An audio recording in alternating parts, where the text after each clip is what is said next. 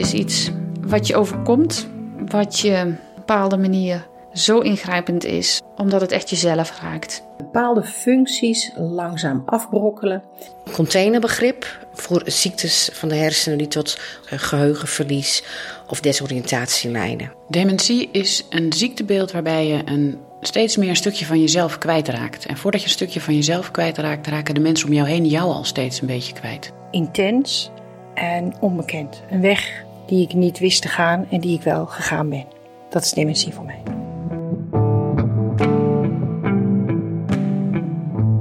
Dementie. Vroeg of laat krijgen we bijna allemaal mee te maken. Een ouder, een partner, een goede vriend. Of misschien treft het wel jezelf.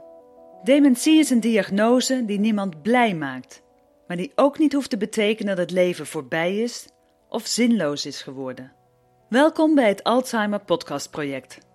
In deze serie komen mensen aan het woord die mogelijkheden zien, ervaren hebben dat het ook anders kan en geloven dat een leven met dementie ook mooi kan zijn. Mijn naam is Gerry van Bakel.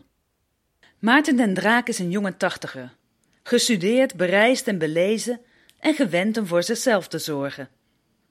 En gelukkig met het leven dat hij heeft gemaakt met zijn vriendin Ellen. Maar onlangs moest hij onder ogen zien dat er toch wat aan het veranderen is. Twee jaar geleden, toen begon mijn vriendin te zeggen: Ik vind je tegenwoordig wel erg verstrooid. En uh, ja, en daar moet je maar eens aan denken. En dat was dus heel lief gezegd. Maar, uh, nou ja, ik ben altijd verstrooid geweest.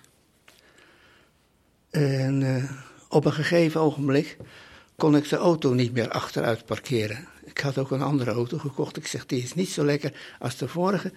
Ik kan niet achteruit parkeren met deze. En naderhand werd helemaal parkeren, de filesteek maken, werd moeilijk. En uh, ja, soms dan toeten de andere auto's ineens erg hard. Ik denk, ja. En toen kreeg ik twee keer achter elkaar bijna een ongeluk. Toen dacht ik, nou, het zit dus kennelijk toch in mij.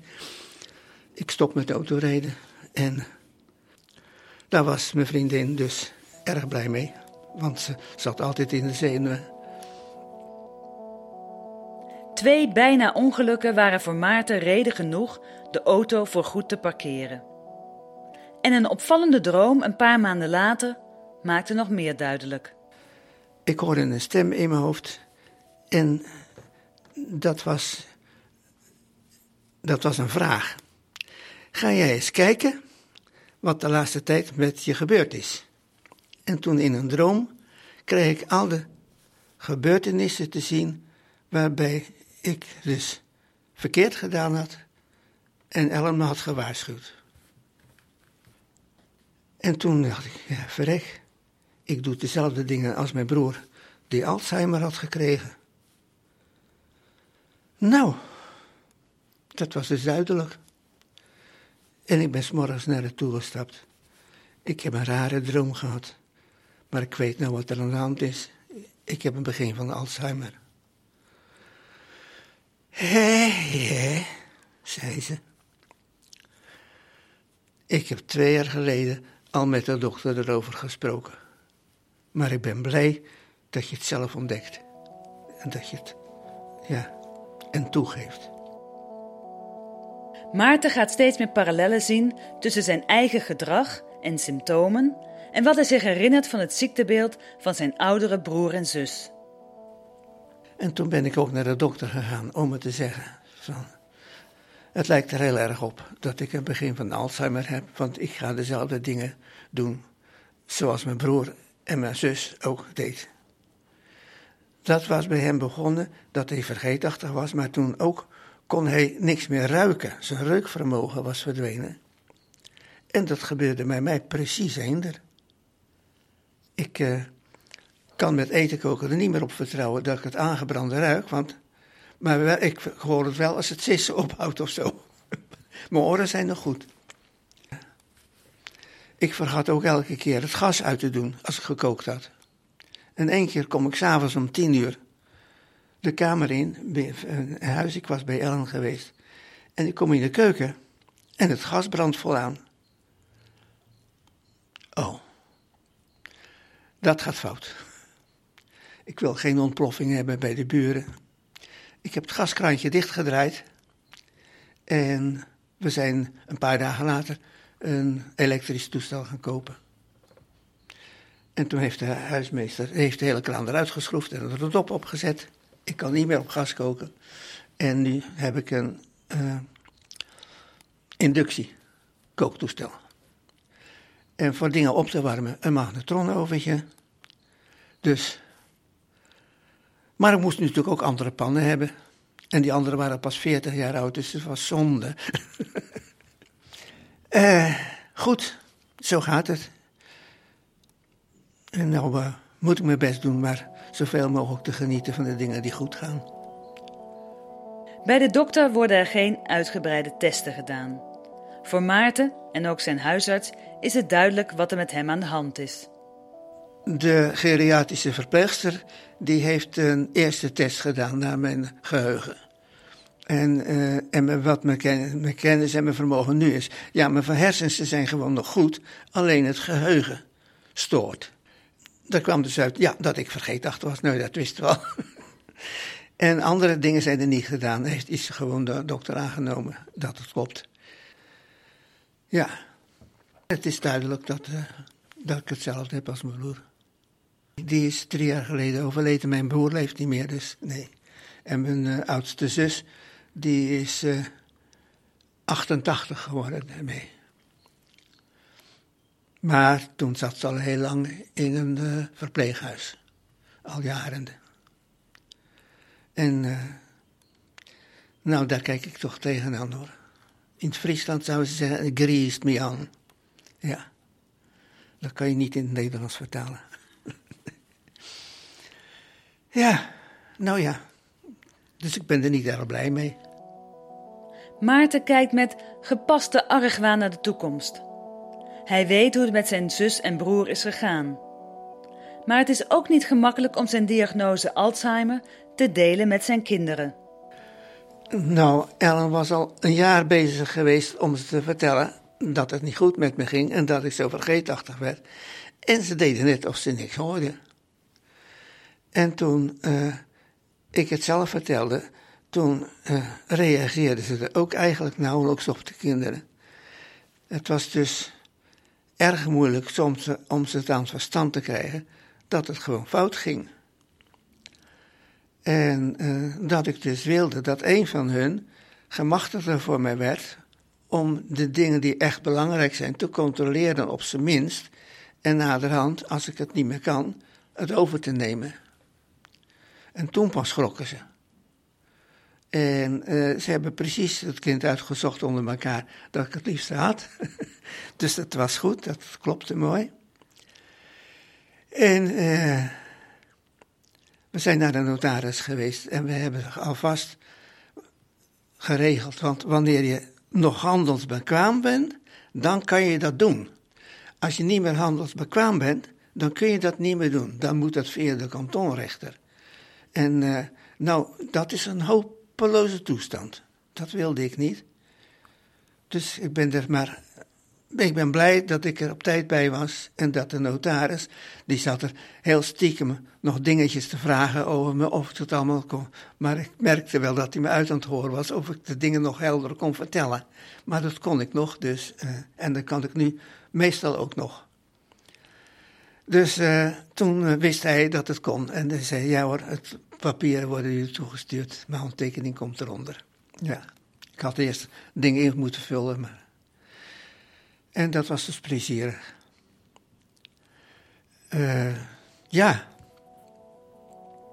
En nu zijn we dingen gewoon aan het aanpassen.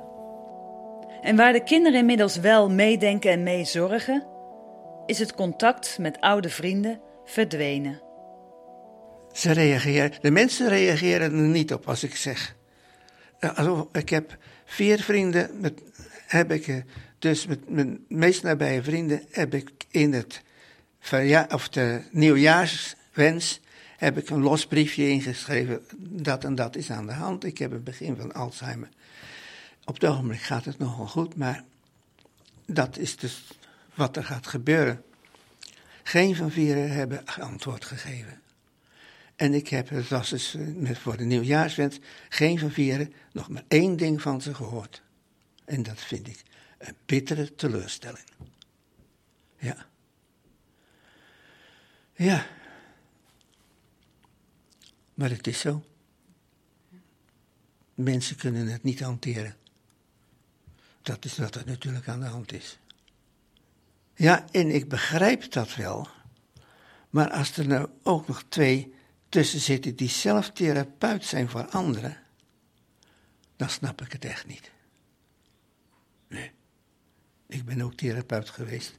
En nou, ik heb een heleboel mensen geholpen.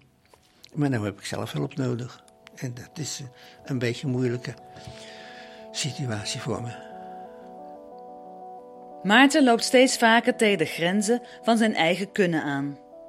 Ik vind het niet moeilijk om hulp te vragen. Maar als ik zelf de dingen echt niet kan en daarom hulp moet vragen, dat, dan vind ik niet het hulpvragen erg, maar dat ik het niet meer kan. En uh, ook met de computer uh, ik maak telkens echt fouten. Als ik een regeltje 4, 5 heb getikt, nou, dan zitten er minstens 10 tikfouten in. Minstens. Ja. Dus dat is een heel moeizame bezigheid. Toen we studeerden, moesten we dus uh, werkstukken inleveren. En uh, ik was degene met de minste fouten. Er waren, er waren uit die in één werkstuk van een pak vier A4'tjes of zo, dat ze dan 36 taalfouten hadden. En ik had er vier. En dat waren vier verschrijvingen eigenlijk meer. Maar ja, ik ben ook schoolmeester geweest, dus. Wat voor reactie zou Maarten graag krijgen van de mensen om hem heen? Of de samenleving in het algemeen? Gewoon accepteren dat nu de mensen oud worden, ook meer mensen dement gaan worden. Dat is een gegeven. En uh, dan accepteren dat dat zo is. En ze niet als kleine kinderen gaan behalve. Kan ik wat voor je doen?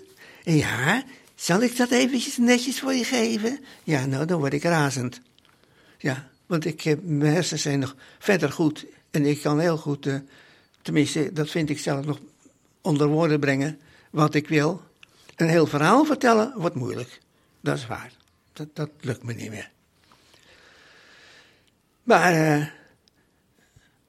dan gewoon als volwassen mensen blijven aanspreken. Zelf ontkent Maarten zijn ziekte niet. Hij heeft het van te dichtbij meegemaakt om niet te herkennen, zegt hij zelf. En dan is ontkenning zinloos. Ik heb gewoon gezien wat er gebeurde in mijn eigen familie. En nou zie ik het bij mezelf. Dan zou ik dom zijn, echt dom zijn, als ik dat ontkende. Ik heb het toch nog een beetje ontkend, wel. Want Ellen was me twee jaar voor om het te zien. Ja, dus. Maar nu dus heb ik het geaccepteerd. Het is niet leuk, maar het is een feit. Klaar. De toekomst is ongewis. Dat geldt voor de meeste mensen en dus ook voor Maarten. Hij heeft, nu het nog kan, zoveel mogelijk praktische zaken geregeld. En zijn kinderen hebben gezegd dat ze voor hem zullen zorgen. Mensen die vragen wel eens: uh, hoe ga je, denk je erover? Uh, als je zo opziet tegen dat einde. Nou, het einde zelf zie ik niet tegenop. Uh, ik heb twee keer een bijna doodervaring gehad en ik weet dat het aan de andere kant mooi is. En dat ik de tweede keer helemaal geen zin had om terug te gaan in het leven. Maar toen zei nee, ik was toen 35 ongeveer. Je hebt nog veel werk om te doen. Je hebt even mogen kijken, maar je moet wel weer terug. Dus ik ben niet bang om dood te gaan. En uh, ik weet het nog niet. Ik weet het nog niet. Ik denk dat als ik het niet meer zie zitten, dat ik dan gewoon stop met eten. Dan val ik niemand lastig. En, uh, en dan bid ik maar dat mijn uh, engelen een beetje voor me zorgen. Ja. Ik geloof ik. Ik geloof in engelen.